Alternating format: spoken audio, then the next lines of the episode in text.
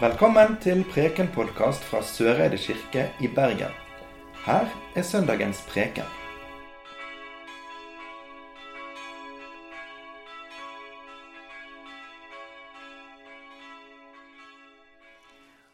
Det står skrevet i evangeliet etter Lukas. Jesus kom også til Nasaret, hvor han var vokst opp, og på sabbaten gikk han inn i synagogen, slik han pleide. Da han reiste seg for å lese, rakte de ham profeten Jesajas bok. Han åpnet bokrullen og fant stedet der det står skrevet. Herrens ånd er over meg, for han har salvet meg for å forkynne et godt budskap for fattige. Han har sendt meg for å rope ut at fanger skal få frihet, og blinde får synet igjen, for å sette undertrykte fri og rope ut et nådens år fra Herren. Så rullet han bokrullen sammen, rakte den til synagogetjeneren og satte seg. Alle i synagogen stirret spent på ham. Han begynte da med å si, I dag er dette skriftordet blitt oppfylt mens dere hørte på. Alle roste ham og undret seg over nådeordene som kom fra hans munn. Slik lyder det hellige evangelium.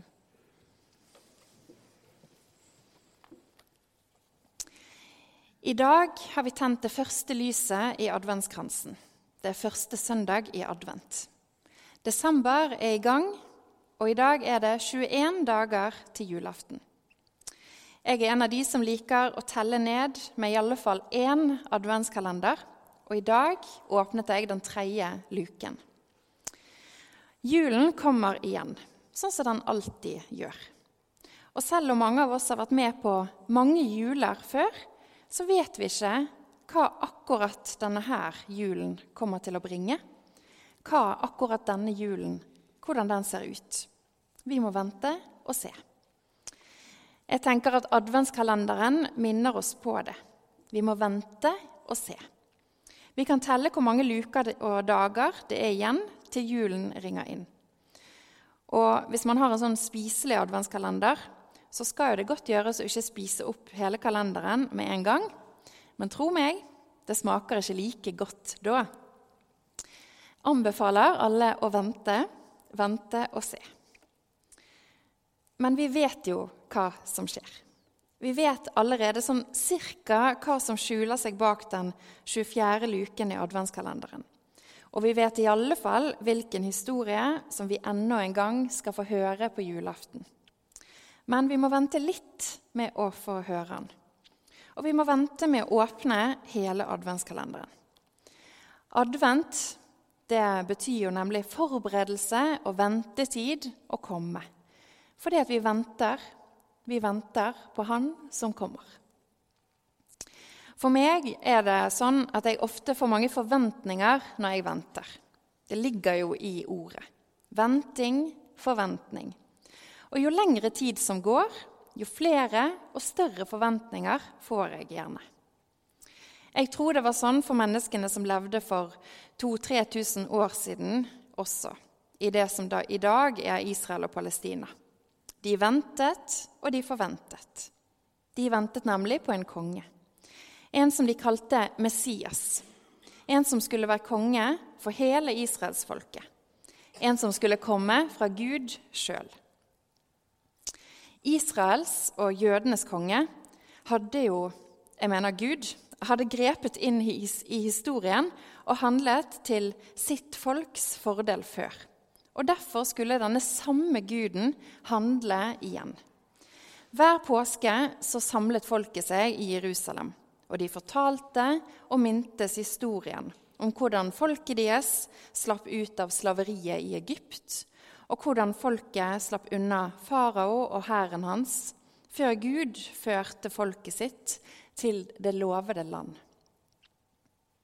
Gud hadde reddet folket sitt den gangen. Israelsfolket, altså jødene, hadde fått bud om at de aldri skulle glemme det Gud hadde gjort for dem. For det at Gud en dag ville sende sin Messias til jorden og redde dem igjen. En gang for alle. Det er jo ikke så rart at det kommer forventninger når et helt folk går og venter på en som skal være Messias. Messias, det betyr Guds salvede. Det høres kanskje litt rart ut for oss, men det har en betydning. For vi vet at kongene i det gamle Midtøsten de ble salvet. Dvs. Si at de fikk smurt en olje over hodet sitt og kanskje andre steder når de ble kronet til konge. Og Denne skikken driver faktisk de aller mest rojale fortsatt med i vår tid. I andre kongedømmer har man for lengst forlatt kroning og salving og anser det som noe som tilhører fortiden. Her i Norge er det over 100 år siden kroningsparagrafen ble tatt bort fra Grunnloven. Vi har riktignok monarker som har eh, ønsket å la seg signe til tjeneste som konge eller dronning, men det er noe litt annet igjen.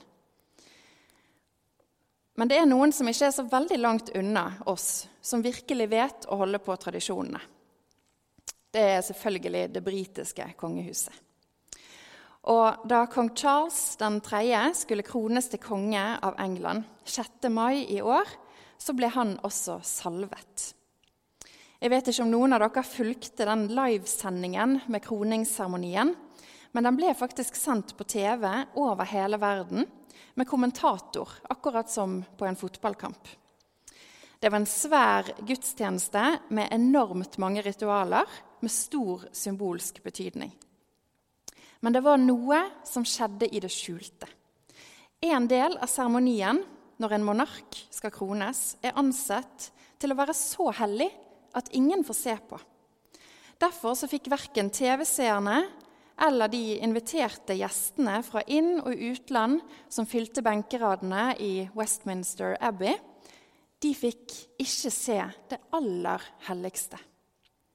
Bak et forheng så ble altså kong Charles 3. salvet. Som et tegn på guddommelig velsignelse så ble han salvet med olje. På hender, bryst og hode. Altså lever det fremdeles en forestilling om at salving det er noe helt spesielt og hellig. Men dette tror jeg sjøl britene syns var litt fremmed og rart. Det er klart at folket som venter på Messias, Guds salvede, har forventninger til han som skal komme. En liten spoiler er at Messias på hebraisk og Kristus på gresk det betyr det samme. Guds salvede. Altså ventet jødene på en konge som var sendt fra Gud sjøl. Guds salvede. Og forventningene til hvem denne kongen skulle være, bygget seg altså opp gjennom mange tusen år. Noen av disse forventningene hørte vi bli lest av Randi i sted. Det var forventet at Gud skulle sende en eh, en som skulle forkynne et godt budskap for eh, hjelpeløse eller fattige. En som skulle forbinde de som hadde et knust hjerte. Altså forbinde sånn som man gjør når noen har knekt foten, bare med hjertet. En som skulle komme med og til og med rope ut frihet for de som er fanget, og frigjøre de som var bundet. Alt dette for å rope ut og annonsere et nådens år fra Herren som betyr at gjeld blir slettet, og alle får begynne på nytt med helt blanke ark. Det var mange forventninger knyttet til denne Messias-skikkelsen og hvem han skulle være. Det var forventet at det skulle fødes et barn som strålte som et lys. Det var forventet at en jomfru skulle bli gravid og føde en sønn, og at denne sønnen skulle være en som frigjorde fattige og trøstet alle som sørger. Denne kongen skulle også være en som dømte folk rettferdig. Det var forventet at denne kongen skulle være veldig gammel. En annen forventning var at han skulle ri på et esel. Og han skulle bringe fred til alle jordens ender. Men det var òg en del andre forventninger til denne Messias. Husk at det var flere tusen år med ventetid og mange forventninger. Det var en vanlig forventning at kongen skulle være en krigfører som skulle frigjøre israelsfolket fra alle de folkene som de var i krig med. Og det var forventet at Messias, fordi han var konge, også skulle være veldig rik, og så skulle han bo i et tempel eller et stort slott, for å nevne noe. Dere skjønner kanskje at noen av forventningene ble innfridd, og andre igjen ble snudd totalt opp ned. For da Gud kom til verden, så kom han, Jesus Kristus, Messias, som en liten, forsvarsløs baby, født av en kanskje 14-15 år gammel, fattig, ugift jomfru. Han ble ikke født i et eh, slott, men i en mørk stall.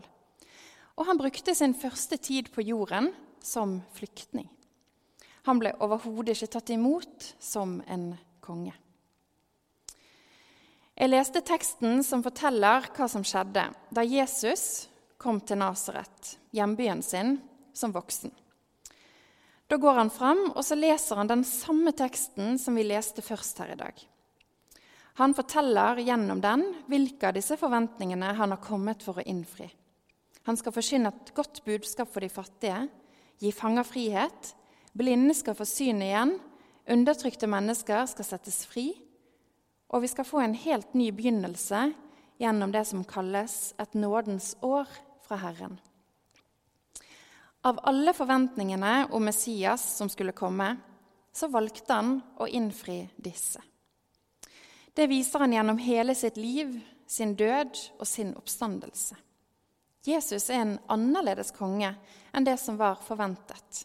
Han var fattig og tok parti med de utstøtte. Han gikk på tvers av menneskelige skiller som økonomi, etnisitet, politisk og religiøs tilhørighet, alder, funksjonsevne og kjønn. Og så fikk han alle folk med inn i fellesskapet. Det er mange historier om eh, folk som har misbrukt disse forventningene som Jesus ikke innfridde, og framstilt det som at han hadde et annet budskap å komme med enn fred for alle. Det er vondt å tenke på nyhetsbildet som har fulgt oss denne høsten. Og at de nyhetsbildene de er jo hentet fra de samme områdene og de samme folkeslagene som Jesus omga seg med. Og det er fælt hver gang religion trekkes fram som roten til alt ondt i verden. Men for meg så hjelper det da å tenke på disse forventningene som Jesus faktisk innfridde, og på de forventningene som han sprengte og snudde opp ned. Det gir meg håp at Jesus var et menneske fullt ut. At Jesus sjøl har erfart angst, ensomhet og redsel. Følelser som mange mennesker òg kjenner. Følelser som for mange kanskje blir enda sterkere nå i adventstiden og fram mot jul. Det gir meg håp at han også levde i en verden med store politiske konflikter og menneskegrupper som var satt opp mot hverandre. Det gir meg håp at han kom og ble Messias, Guds salvede for alle folkeslag. I adventstiden venter vi. Vi venter på Jesus, Guds Messias. Jesus er Guds sønn, og Jesus, altså Gud sjøl, kommer ned til oss på jorden og blir en av oss. Gud sjøl blir et menneske med kropp og følelser. Dette sprengte forventningene som noen hadde klart å se for seg, selv om det hadde gått flere tusen år med større og større forventninger til Messias. I adventstiden så venter vi på Jesus. Det markerer vi gjerne ved at vi tenner lys. Og I dag har vi tent det aller første, og det er tre lys som står igjen i staken foran meg. Vi tenner lys og venter på Jesus, han som kaller seg verdens lys, og som er den som bryter ut av gravens og dødens mørke. Jesus han som er verdens lys, og som har skapt verden med alle naturlovene, han har også makt til å stige ned til oss og overvinne de. For lyset er sterkere enn mørket. Livet er sterkere enn døden. Og kjærligheten sterkere enn hatet. Lyset, livet og kjærligheten vinner over mørket, døden og hatet. Det var dette Jesus kom ned for å vise og lære oss. Ikke bare jødene, men alle folkeslag, til alle tider.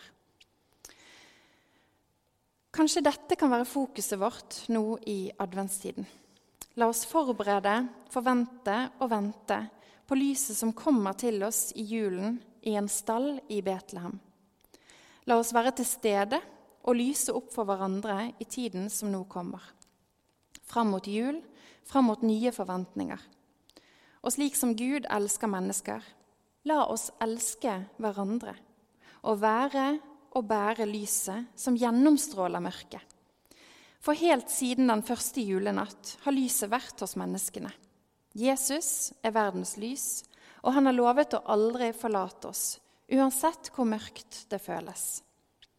En dag, som vi enda venter på, så skal han komme igjen, og lyset skal skinne all, som aldri før. Inntil det skjer, så har han sagt at vi skal være lyset i verden. Vi skal være lyset, livet og kjærligheten som vinner over mørket, døden og hatet. Ære være Faderen, Sønnen og Den hellige ånd, vår skaper, frigjører og livgiver. Amen.